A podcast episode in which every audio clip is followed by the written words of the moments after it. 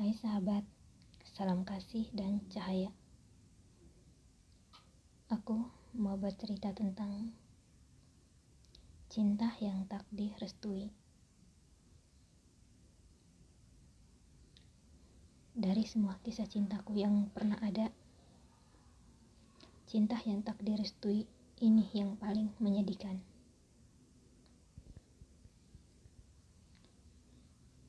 Berawal dari sebuah hubungan yang tidak kuinginkan.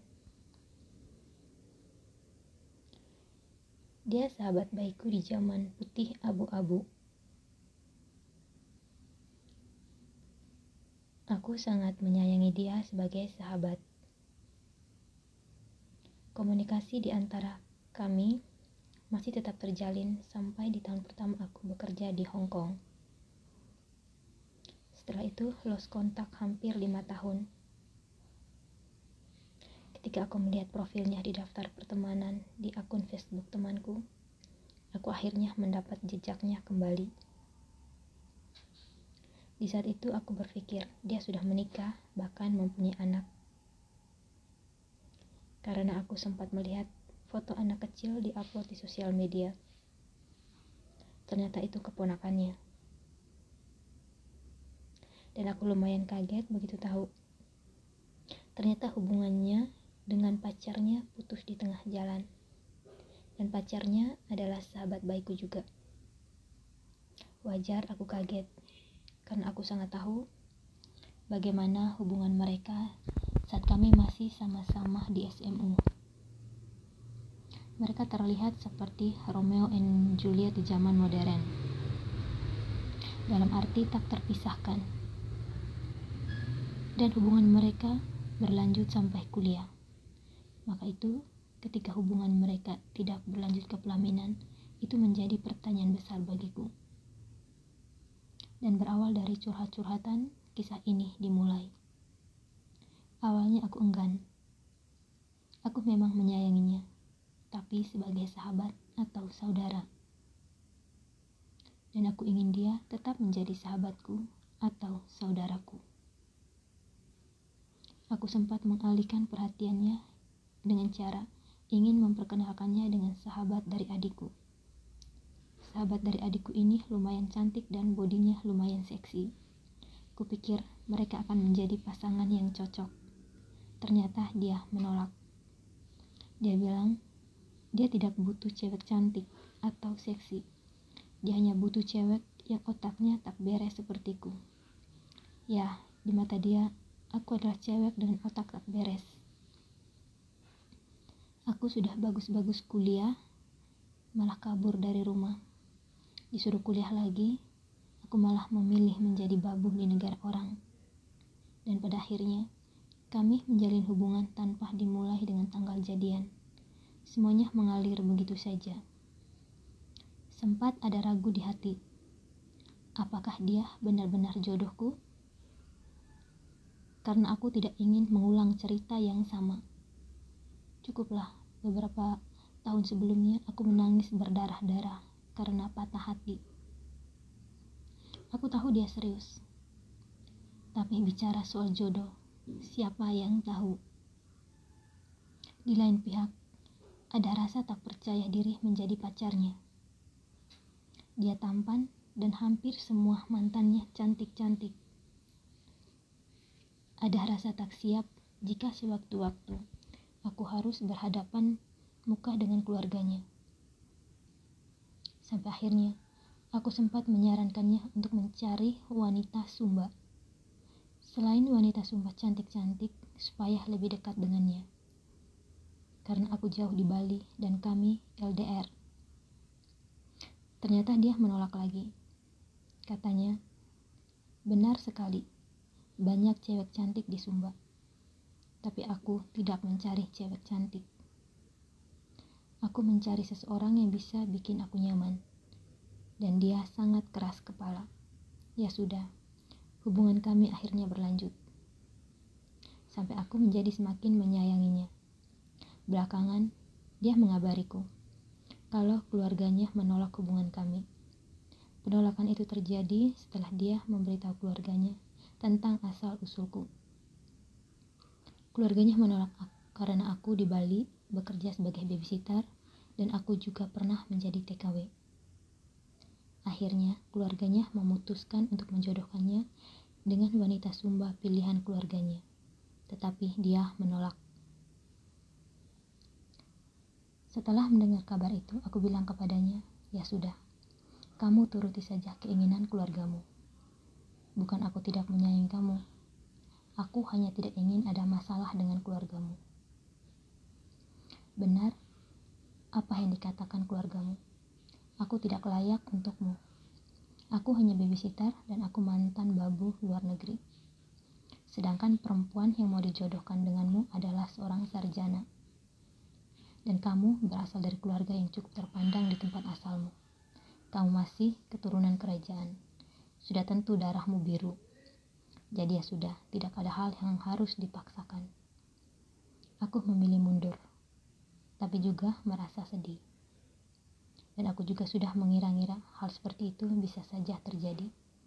Mengingat dia seorang sarjana, tentu keluarganya menginginkan perempuan yang sederajat dengannya tetapi dia menolak perjodohan itu. Dia tetap ingin mempertahankanku. Dia bilang, keluarganya menolak mungkin karena belum mengenalku. Dan dia benar-benar tidak mau diatur. Dia terlihat berbeda dari saudara-saudaranya. Dia juga tidak mau terikat dengan adat dan budaya di tempatnya. Karena keluarganya terus menekannya, akhirnya terjadilah keributan di antara dia dan keluarganya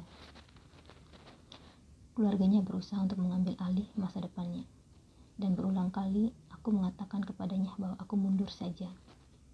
Ini menyakitkan, tetapi kita tidak punya pilihan lain. Tetapi dia menolak untuk bubar. Dia bilang, ini hidupnya. Keluarganya tidak perlu mencampuri, karena dia yang akan menjalaninya. Dan jika keluarganya terus memaksanya menikahi perempuan yang tidak dicintainya, dia memilih meninggalkan Sumba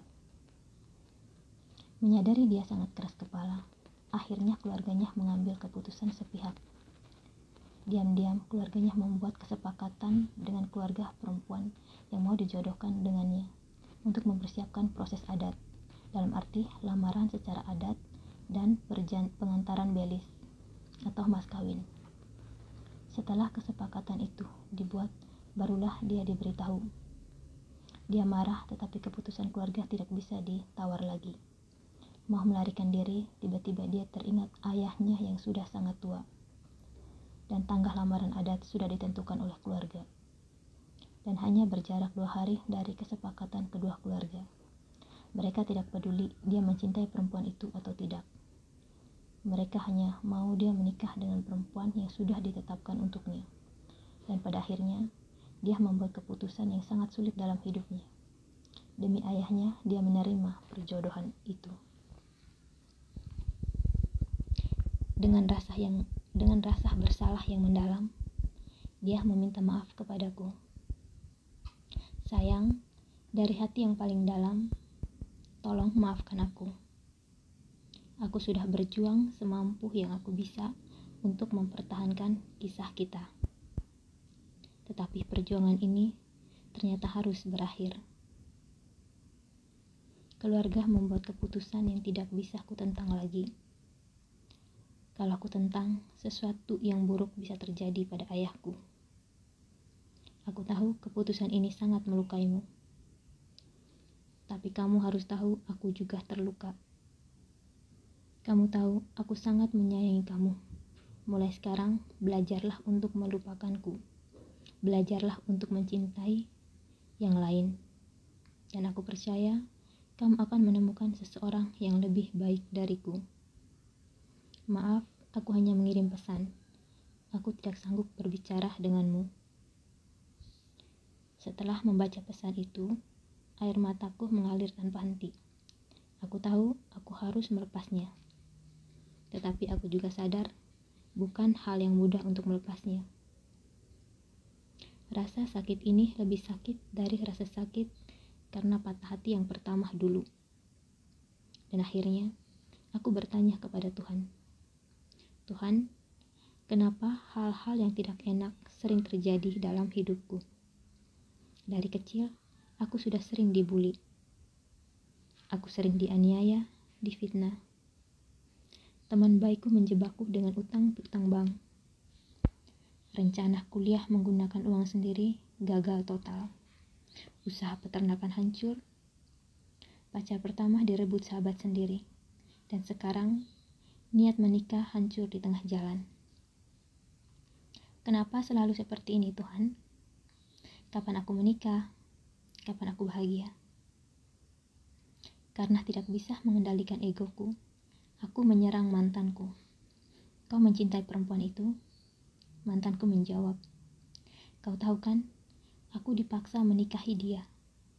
Dan mau atau tidak mau, aku harus belajar mencintainya. Dan semakin nyerilah hatiku. Dan seharusnya aku tidak perlu bertanya lagi. Tetapi karena kepo, akhirnya semakin sakit hati dan lagi-lagi ego mengendalikanku.